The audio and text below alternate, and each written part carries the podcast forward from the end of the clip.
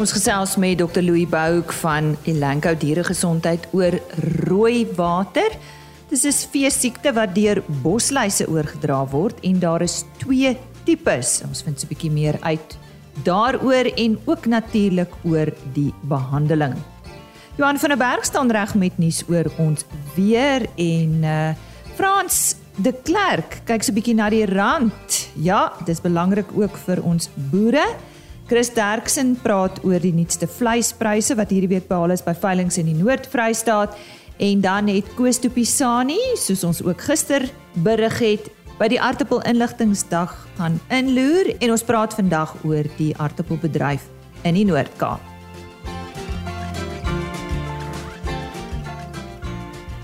My naam is Lise Roberts en jy's ingeskakel vir RSG Landbou. Baie welkom. Nou eers landbou nuus, 'n totaal van 847 vee diefstalsake is gedurende die tweede kwartaal van 2021-22 in die Vrystaat aangemeld.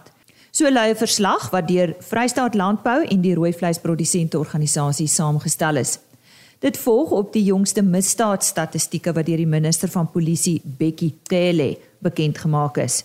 Volgens dokter Jane Buys van Vrystaat Landbou is 247 van die sake in dorpe langs die Lesotho grens aangemeld. Ses van hierdie dorpe se boerderygemeenskappe het 20 en meer sake in 'n 3 maande tydperk aangemeld. Volgens rolspelers dui dit op 'n groot toename in veediefstal aanmelding. Vrystaat Landbou het 'n versoek aan die regering gerig om hierdie gemeenskappe as hoë misdaadareas te klassifiseer. Dan toon die jongste data van die Nasionale Oeskattingskomitee dat vanjaar se geskatte mielieoes 6% groter is as die 2020 oes. Die drie belangrikste mielieproduserende gebiede, naamlik die Vrystaat, Mpumalanga en Noordwes provinsies, gaan na verwagting 84% van die 2021 oes produseer.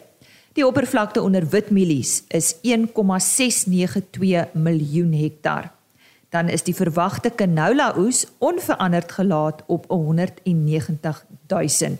Dit is die grootste canola oes nog in die geskiedenis van Suid-Afrika. En dis dan vir eers die nuus.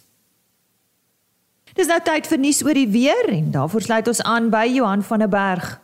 Johan, jy het natuurlik vir ons heelwat nuus oor reën en goeie reën wat in baie dele van ons land uh, geval het die afgelope week sedert ek en jy laas gesels het. Is ek reg uh, môre Johan? Môre Lise. Ja, nee, dit reën alhoewel dit nog baie kolle en strepe reën, uh word hierdie gebiede groter. Maar uh party plekke word die reën nie meer lekker nie, word dit al amper te veel. Ehm um, ons ons het gesien uh die dele wat nog droog gebly het, hier was 'n streep oor die Noord-Vrystaat uh wat ook die afgelope tyd lekker reën gehad het en die boere behoort daar te kan plant, maar dit is nie 'n groot gebied nie en dan weet ons natuurlik um, uh oor die ou Gauteng gedeeltes uh waar ons ook swaar reën hierdie afgelope week gehad het. Um die ander gedeelte is in die Wes-Kaap waar dit ook nog aan mekaar reën. En dis interessant, baie mense glo as dit in die Kaap reën, reën dit nie hier by ons nie. Maar as dit wil reën, daar reën dit lyk my sommer oral. Ehm um, die, die, die dele wat nog droog bly, is maar steeds die Oos-Kaap. Uh alhoewel daar ligte reën voorgekom het in gebiede soos Tuitlerwil, Jansenwil, Willowmore en die dele, uh is dit maar nog min reën. Uh die Noord-Kaap Hy het ook lanklaas hulle het hier in Oktober daai goeie reën gehad, maar intussen het ons baie hoë temperature gekry. Nie veel reën in die in die Noord-Kaap gedeeltes nie. So die veidingsboere begin weer swaar trek, maar uh, ek dink die druiwe en die vrugteboere is dalk 'n bietjie bly dat ons nog nie baie reën daar gehad het nie.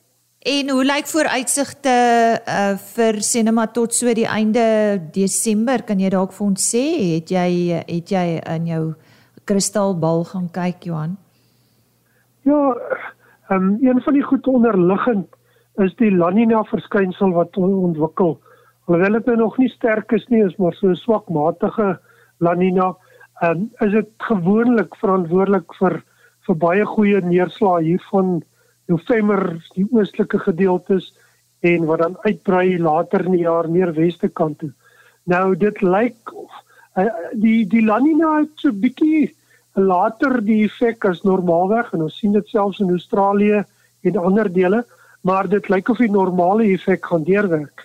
So op kort termyn lyk hier is nog redelik baie reën op pad hier van die naweek af uh tot so by die 8ste 9de se kant en dan lyk dit asof ons uh redelik baie reën ook in die middelste gedeelte hierso van die 12de 13de 14de Desember gaan kry. So 'n bietjie minder dalk daarna, maar uh uh op hierdie stadium lyk dit asof ons 'n baie baie nat Kersfees gaan hê. So die Kersweek en selfs die eerste week in Januarie lyk of dit of haar redelik nat toestande gaan voorkom. uh, Redelike swaar reën uh wat wat kan voorkom. Nou as 'n mens net kyk na die graanboere, somergraanboere, uh, ek dink die boere die wat nog nie geplant het nie, dit is planttyd vir die meeste gedeeltes. Uh en ek dit moet maar so gou as moontlik klaarkom want dit lyk asof dit gaan begin reën dat ons dalk redelike nat toestande gaan kry wat gaan sukkel uh, dat die trekkers in die lande gaan kom kom om te plant. So ek dink ons gaan uh, uh ons ons gaan redelike nat en natuurlik daarmee saam bewolkte toestande wat ook groei gaan vertraag en en siektes ook gaan aanhaal aanhaal. So dit lyk asof hier redelik baie reën op pad is. Uh maar ons sal maar moet mooi kyk hoe ons dit kan bestuur of dit wel bestuurbaar is. Uh maar ja, uh dit lyk asof die die groot reën op pad is nog. Johan, maar kom ons praat 'n bietjie oor die Noord-Kaap. Dit wil net daar nog nie reën nie. Ek het van iemand terugvoer gekry van Vosburg daar rond. Uh dis nou so 'n bietjie meer Karoo nê wat gesê het hulle het so 'n paar millimeter stuk stuk gehad, maar dit bly maar net weg. Ja, 'n mens moet 'n bietjie ook na die geskiedenis van reënval gaan kyk in daardie gebiede. En dit reën by uit of by uitsondering dat dit uh voor einde Desember, Januarie in daardie gebiede reën.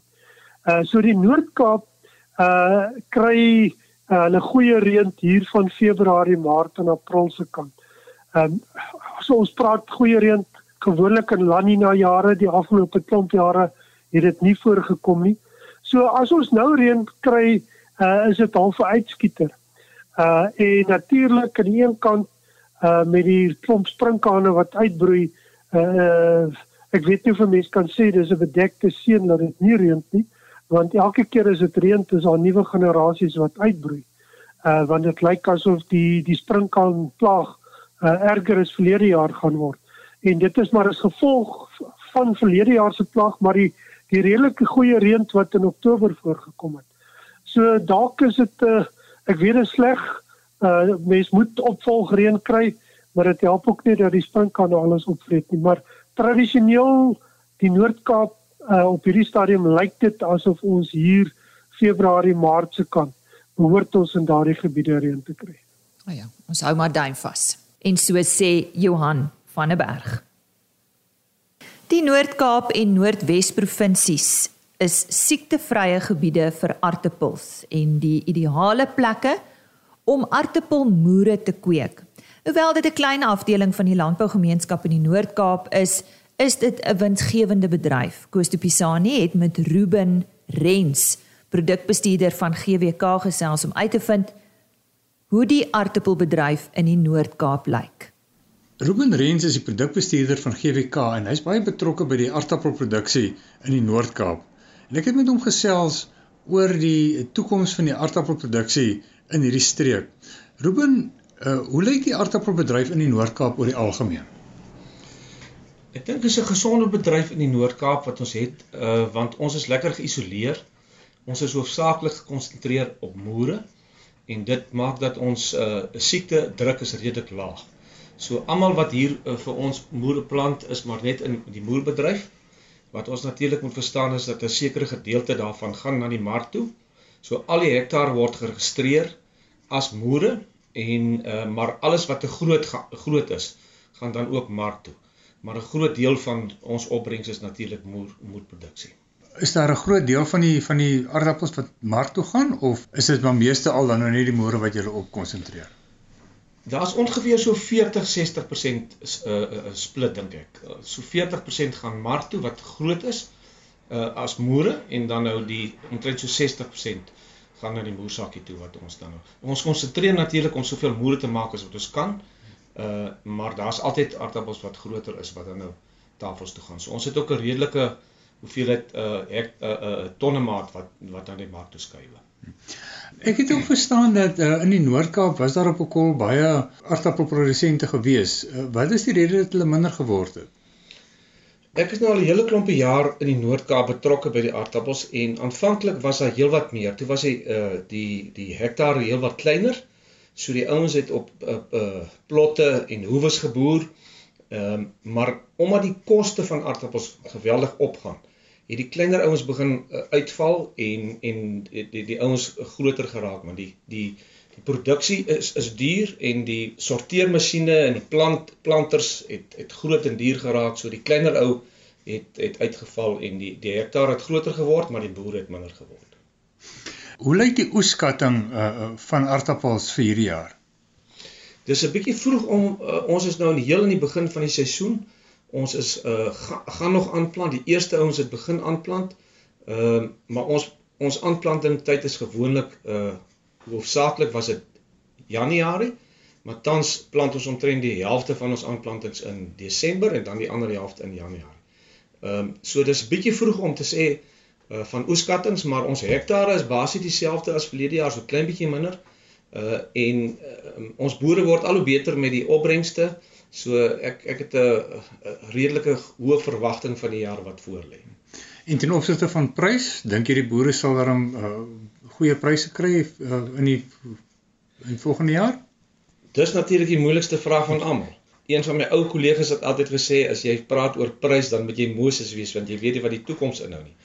Maar gelukkig vir ons boere is omdat hulle moerprodusente is, is die moerpryse eintlik vas. So dis net die gedeelte wat tafels toe gaan wat dan op die mark uh die prys bepaal word, maar ons het 'n ek het 'n gedagte dat dit tog 'n goeie jaar gaan wees want uh, daar was uh, minder moere geproduseer, so ek dink die hektare gaan nie so hoog wees uh, vir jaar nie en dit gaan maak dat hopelik sal die prys sal die prys goed wees. Maar dit hang alles af van weeromstandighede. Daar's heelwat droë lande wat uh, as hulle nie reën kry nie of hulle kry te veel reën wat dan die prys gaan gaan bepaal. Uh dit was Ruben Rens, produkbestuurder van GWK. Ek is Koos de Pisani vir RSC Landbou. Ons dank ook aan Koos de Pisani wat gisteroggend en vanoggend berig het oor die aardappelbedryf na 'n inligtingsdag wat hy bygewoon het daar op Douglas. Volgende week hoor ons van ons eh, medewerker daar in die Wes-Kaap, Hugo Logner. Hy het ook een van hierdie inligtingsdae bygewoon en uh, ons hoor wat hy vir ons teruggebring het van daardie geleentheid af. Dis nou tyd vir ons vleispryse en soos altyd is Chris Derksen aan die woord en hierdie pryse is behaal by veilinge in die Noord-Vrystaat. Môre Chris. Goeiemôre Lisa en al ons medeboere. Ek gee graag vir julle die veemarkverslag vir Woensdag die 1 Desember. Dis interessant dat dit altyd ons heel beste tyd van die jaar is. Pryse is goed en die swak rand dink ek help baie. Jy sal sien die A-grade is baie hoog wat relatief reflekteer word in die swak rand.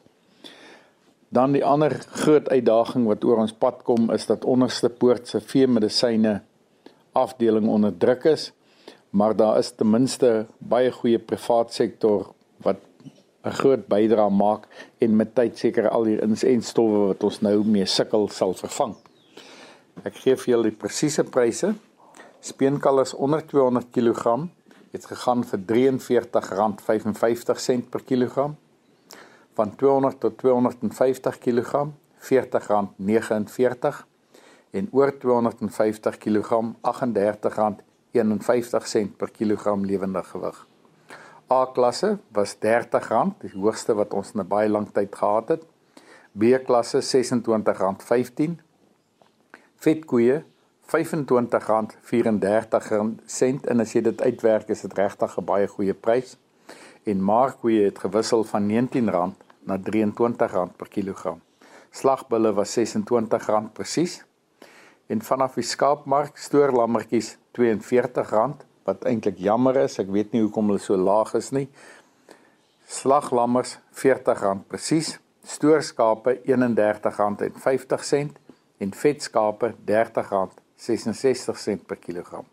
Bokke was lammetjies R55.11 en ooe R39.80 per kilogram lewende gewig. En indien ons enige verdere hulp kan wees, gee skakel maar enige tyd na 08280 75961 of u kan na www.vleisprys.co.za gaan of na Twitter by vleisprys. Baie dankie. Soos altyd op sy pos, Chris Derksen met ons vleispryse.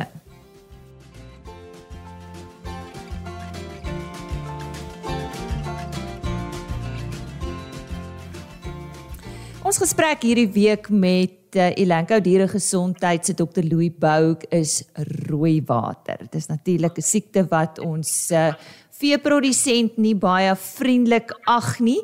Uh Dr Louis Bouk is hoof van tegniese dienste by Elanco Diere Gesondheid. Louis, ja, vir die wat nie weet nie, uh wat is rooi water? Lise, rooiwater is 'n bosluis oordraagbare siekte van beeste wat groot verliese in, in veeboere in Suid-Afrika veroorsaak. Nou wat baie belangrik is is dat in Suid-Afrika kom maar twee tipes rooiwater voor. Ehm um, naamlik Afrika rooiwater en Asiaties of Europese rooiwater. Beide word deur verskillende bosluis ehm um, spesies binne in die blou bosluis genera oorgedra. En en wat interessant is is dat as 'n boer terugdink waar ons weet boere al gesukkel het, maar weet jy wat, ek sien nie 'n bosluis op my dier nie, maar nog steeds sukkel ek met rooi water waar jy die simptome kan sien. Is dit as gevolg van dat jou jou verskillende spesies rooi water die tydens verskillende lewensstadia van die verskillende bosluise oorgedra word. Daarom as dit deur die onvolwasse stadiums van die bosluis oorgedra word, sien mense nie noodwendig die larwie of die nimf wat lei tot wat wat basies infeksie kan veroorsaak van rooi water en dan die kliniese simptome. As ons kyk na die verspreiding van rooi water in Suid-Afrika, weet ons dit word geassosieer um met met gunstige toestande vir die blou bosluis spesies wat tradisioneel warm, vogtige toestande is. Maar ook het die blou bosluis al aangepas om te oorleef in nie gunstige toestande. Die blou bosluis belangrik is ook 'n eengasheer bosluis So wat beteken dit weer is dat die lewensiklus vanaf die larwies op die bees klim tot die wyfies volgesuig afval op een gasheer voltooi word. So hierdie omstandighede waarin ons nou is byvoorbeeld met die hitte en die vreeslike reën is gunstig vir hierdie tipe ding, né? Duidelik, ja, so ja, ja, ja. warm vogtige weer mm. definitief. Mm. So wat is die simptome van rooi water, Louis? So rooiwater as mens kyk na die bees word gekenmerk deur depressie, verlies aan eetlus en belangrike hoë koors, 'n temperatuur oor 40. Bloedarmoede is is is baie tipies vir die siekte en dit is hoekom mense hierdie rooi swart urine kan sien as gevolg van die rooi bloedselle van die dier wat afgebreek word en dat die pigment in die urine uitgeskei word en waar die naam tradisioneel rooi water vandaan kom. Geelsig kan ook in sommige van die diere gesien word. Nou die probleemkind is jou Asiatiese rooi water. Nou as mens kyk na sy simptome in vergelyking met Afrika rooi water, gaan hierdie diere gewoonlik dood van wat ons noem akute skok, so waar hulle vinnig doodgaan as gevolg van die skok wat die die dier se liggaam ingaan. Ehm um, nou die die vermoede wat ons ook het is dat jou groot verliese wat ons as gevolg van rooi water sien gewoonlik gekoppel is aan jou Asiatiese rooi water. Ek wil terugkom na daai depressie toe. Hoe lyk 'n bees wat ja. depressie het? OK, so depressie wat ons van praat is is is 'n bees wat se kop gesak gaan wees, weet jy wat?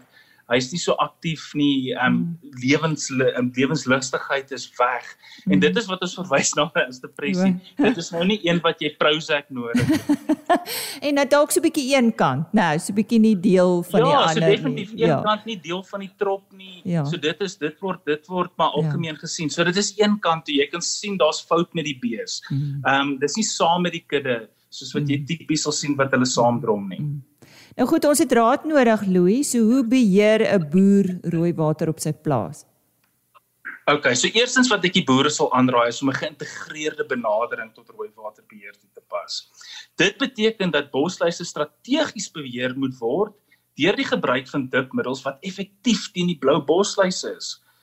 Um, maar dit is belangrik om ook te onthou dat immuniteit um, teen rooi water in die kudde is van uiterste belang. Daarom is dit belangrik dat jy van 'n jong ouderdom af die diere aan die siekte blootgestel word.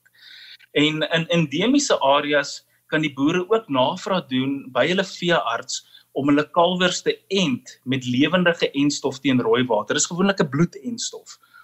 Nou, mense kan ook na beesrasse kyk en ons weet dat jou inheemse beesrasse meer weerstandigheid bied teen rooi water as jou Europese rasse en dit geld ook selfs vir jou jou beesras kruise waar daar van jou inheemse bloed van toepassing is.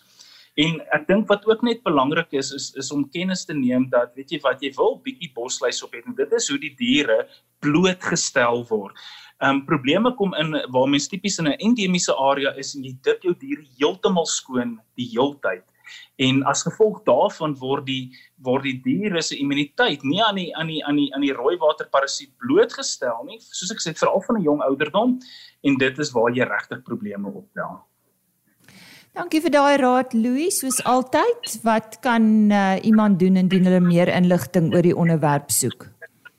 So indien enige iemand meer inligting oor rooi water wil hê of enige verdere vrae het, kan ons gerus skakel op 0861 352 626 dan antwoord ons graag enige vrae.